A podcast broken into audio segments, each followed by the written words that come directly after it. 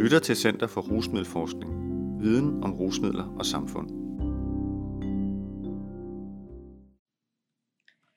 Alkohol er med til at komplicere unge mænds forståelse af egne og andres seksuelle grænser. Skrevet af antropolog og lektor Margit Ann Petersen, sociologistuderende og studentermedhjælper Sofie Borup, pædagogisk antropolog og akademisk medarbejder Sissel Skrøder og antropolog og professor Jeffrey Hunt, alle fra Center for Rusmiddelforskning. Medforfatter er også Alexandra Bogren, som er sociolog og lektor ved Södertörn Universitet i Stockholm i Sverige. Indlæst af Sissel Skrøder. Artiklen er bragt i Stofbladet nummer 42 i sommeren 2022. Alkoholberuselse og seksuelle krænkelser blandt unge hænger ofte sammen, og selvom det ofte er unge kvinder, der udsættes for seksuelle krænkelser i nattelivet, oplever unge mænd også uklare grænser og ubehagelige hændelser i nattelivet. I en tidligere stofartikel har vi beskrevet, hvordan seksuelle krænkelser blandt unge ofte hænger sammen med alkoholberuselse. I den sammenhæng er det interessant at bemærke, at forskning, der fokuserer på druk og beruselse, ofte omhandler mænd, mens forskning, der ser på konsekvenser af sex i beruset tilstand, primært har fokuseret på kvinder. Vi har i vores undersøgelse blandt andet ønsket at gøre forskning på området bredere og mere nuanceret, og har derfor som en del af vores forskning fokuseret specifikt på unge mænds oplevelser med seksuelle grænser i nattelivet.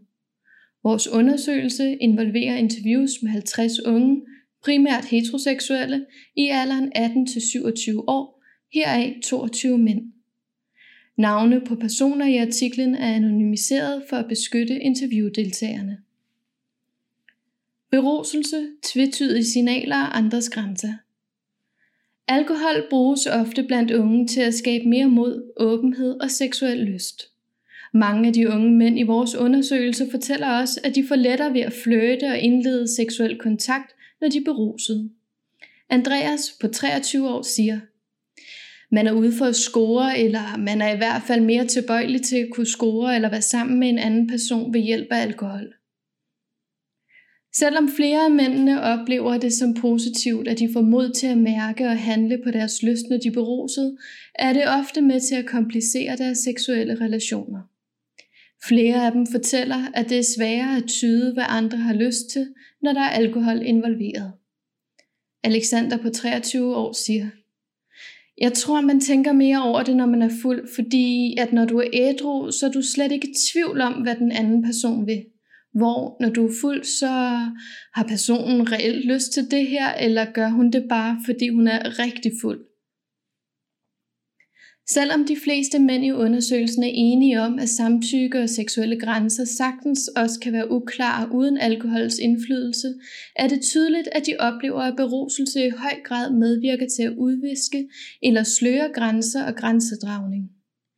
Ifølge mange af mændene er det særligt svært at aflæse kvinders ofte tvetydige signaler. Mikkel spurgte for eksempel en kvinde, om de skulle være sammen seksuelt, men fik et uklart svar. Mikkel på 18 år fortæller, Jeg føler, at øh, piger altid kommer med sådan et ja-nej-svar. De kan ikke rigtig beslutte sig, fordi hun sagde til mig, ja, det ved man jo aldrig. Mikkel fortæller, at de endte med at have sex, og han bagefter spurgte, hvorfor hun ikke bare sagde ja. Hun svarede, at hun ikke ville gøre det for let for ham. Sådanne situationer kan der være flere tolkninger af, men forskning peger generelt på, at det ikke er så simpelt for kvinder som at sige ja eller nej til sex, da normer og værdier forbundet med femininitet også spiller ind. Det kan som kvinde være svært at sige ja, selvom man har lyst, fordi man både forsøger at leve op til forestillingen om den pæne og den seksuelt frigjorte kvinde på én gang. Et andet eksempel på uklarhed som følge af beruselse er, at det for mange kan være svært at forstå eller acceptere et nej. Markus fortæller om en ubehagelig oplevelse, hvor han ikke troede på, at det første nej faktisk betød nej, fordi de havde været sammen før. Markus på 22 år fortæller, da hun sagde nej første gang, så tænkte jeg, at det gjorde hun også sidste gang, men hun ville egentlig gerne. så skulle der ligesom siges nej mange gange, før jeg egentlig forstod det, og der vågnede jeg også op dagen efter og tænkte, ej, det var faktisk for meget. Det var ubehageligt, at jeg ikke kunne forstå det til at starte med. I Markus' situation medvirker beruselsen også til at forstærke en kulturel opfattelse af maskulinitet, hvor manden forventes at blive ved med at presse på, selvom kvinden siger nej. En del mænd fortæller os, at ord, kropssprog og handlinger ofte kan virke modsatrettede og forvirrende. Thomas på 26 år fortæller, jeg har været sammen med nogle piger, hvor de har taget tøjet af og sådan, men hvor de så ikke vil have sex. Og det er jo helt fair, men det tager lidt ekstra tid at forstå. Det havde jeg brug for den verbale, jeg ville ikke. Som også vist i en anden undersøgelse, er der en del unge mænd, der foretrækker, at kvinden tager initiativ til sex, fordi de ellers frygter at blive anklaget for voldtægt. David på 18 år siger, det er noget, jeg er bange for. Altså, jeg har ikke oplevet det, men jeg ved, det er sket for fyre. Altså, deres liv er fuldstændig gået i øh, faldet fra hinanden, fordi de er blevet anklaget. Vores undersøgelse tyder på, at mange mænd er bevidste om, at det oftest er kvinder, der er de potentielle ofre, men også at en del mænd også er opmærksomme på, at de selv kan havne i en sårbar position, særligt med henblik på at blive anklaget for at overtræde andres grænser. Frygten for anklager afspejles også i en ny rapport fra Aarhus Universitet og det kriminalpræventive råd, som viser, at 46 procent af de adspurgte mænd mellem 16 og 20 år er af den opfattelse, at nogle kvinder kan finde på at lyve om voldtægt som en slags hævn. Samtidig viser rapporten også, at 33 procent af de unge mænd i undersøgelsen mener, at berusede mænd kan komme til at voldtage uden intention når mænds egne grænser udfordres. Mens stort set alle kvinderne i vores undersøgelse har haft adskillige oplevelser af grænseoverskridende art, er der mange af mændene, som ikke lige umiddelbart kan komme i tanke om, at deres seksuelle grænser er blevet overskrevet. Men i samtale om konkrete situationer i nattelivet kommer der alligevel noget frem, selvom der er stor forskel på, om mændene opfatter hændelserne som grænseoverskridende eller ej. Karl på 18 år forklarer, at han har prøvet at blive taget på af kvinder eller danset tæt op af, men at han ikke har tillagt det nogen ubehagelig betydning. Han siger, jamen, jeg tror ikke, at jeg har tænkt så meget over det, fordi jeg er sådan, altså, jeg er heller ikke, øh, jeg tror, at jeg har en lidt høj tolerance.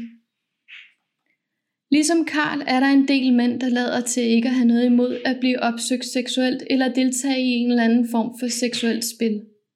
Alexander på 23 år siger, altså det er sket mange gange. Det kan jo være, hvis man lige står op i baren eller et eller andet, altså en, der vil have ens opmærksomhed, så kommer hun og giver et dask i numsen, og så løber hun sådan også lidt væk eller et eller andet. Altså det sker jo, hvor man egentlig ikke har bedt om det, men det er ikke noget, jeg har noget imod. I disse eksempler opfattes kvindernes uopfordrede berøringer ikke som en magtudøvende aggressiv adfærd, men som måder at udvise seksuel interesse på. I undersøgelsen hænger det ofte sammen med, om mændene er åbne over for seksuel kontakt med den pågældende kvinde eller ej.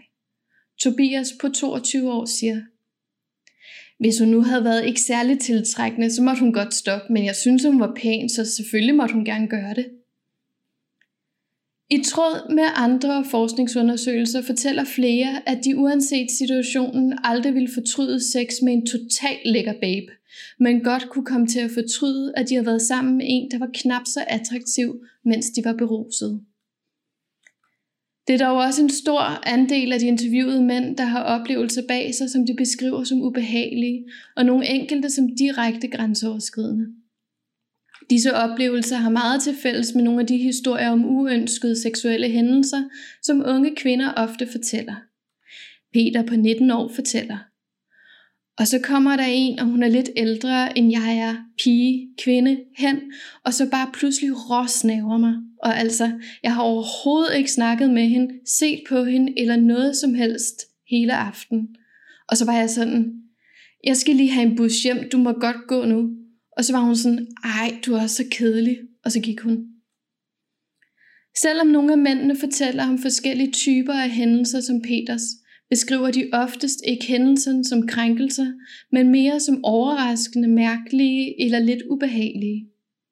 Nora på 27 år fortæller. Jeg har prøvet en gang, hvor en pige stoppede mig, hvor jeg var på vej hjem fra byen, og sådan skubbede mig op mod væggen og tog mig i skridtet, mens hun prøvede at kysse mig, hvor jeg var sådan, what the fuck-agtig. Jeg går her og er tydeligvis skingrende homoseksuel, men det stoppede hende ikke, hvor jeg var også var sådan, hvad fanden laver du? Hvor hun bare var sådan her, ej, men jeg skulle bare lige finde ud af, om du var til piger. Hvor mange af mændene ikke oplever sig selv som krænkede, uønskede berøringer eller tilnærmelser, er der særligt nogle former for situationer, der beskrives som ret ubehagelige. Nogle mænd har afvist en kvinde og oplevet, at hun så begyndt at græde, blokere døren eller på anden måde at skabe en dramatisk scene til en fest. Nogle af mændene har forsøgt at sige nej ved at sige, at de har en kæreste, men er ofte blevet mødt med, og hvad så? Og nogle er blevet talt grimt til eller slået, som Mikkel på 18 år fortæller. Først så sagde jeg sådan, det der, det skal bare ikke ske. Og så kiggede hun på mig sådan, som om, at jeg var sindssyg i hovedet. Og så blev hun sur på mig, og så siger hun, ej, det er simpelthen så nederen, at du bare er en taber, du er kedelig. Og så til sidst på aftenen, så var hun blevet så stiv, så hun gik hen til mig og gav mig en lussing, fordi jeg ikke gad bolle med hende. Ikke alle mændene får sagt fra, og flere fortæller, at de af og til går med til sex, selvom de egentlig ikke har lyst. Nogle gør det, fordi de er for fulde til at sige ordentligt fra. Nogle vil ikke skuffe den anden, eller har det svært med at indrømme over for vennerne, at de ikke havde lyst.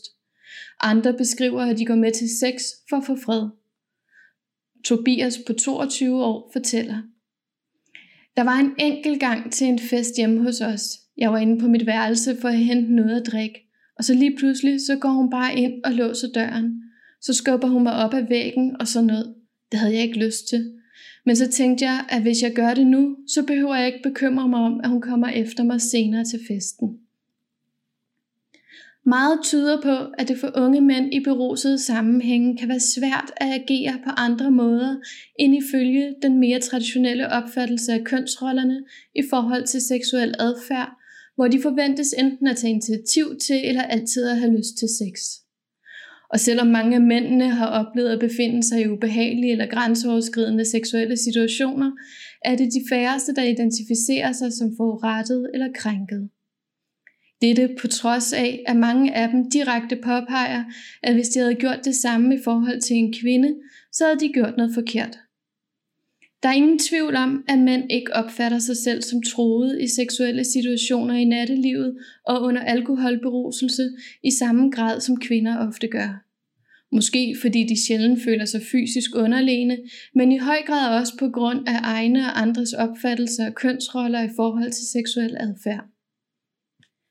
Til gengæld frygter de i høj grad at blive anklaget for at overtræde andres grænser, Vores undersøgelse peger på, at det er vigtigt at tydeliggøre, hvilken rolle normer for femininitet og maskulinitet spiller for samspillet mellem alkoholberuselse og seksuelle relationer blandt unge, og hvordan dette relaterer sig til, hvorvidt man som ung i nattelivet føler sig som potentielt offer for seksuelle krænkelser eller ej.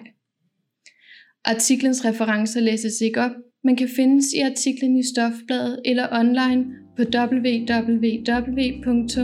www.rusmiddelforskning.dk/stof.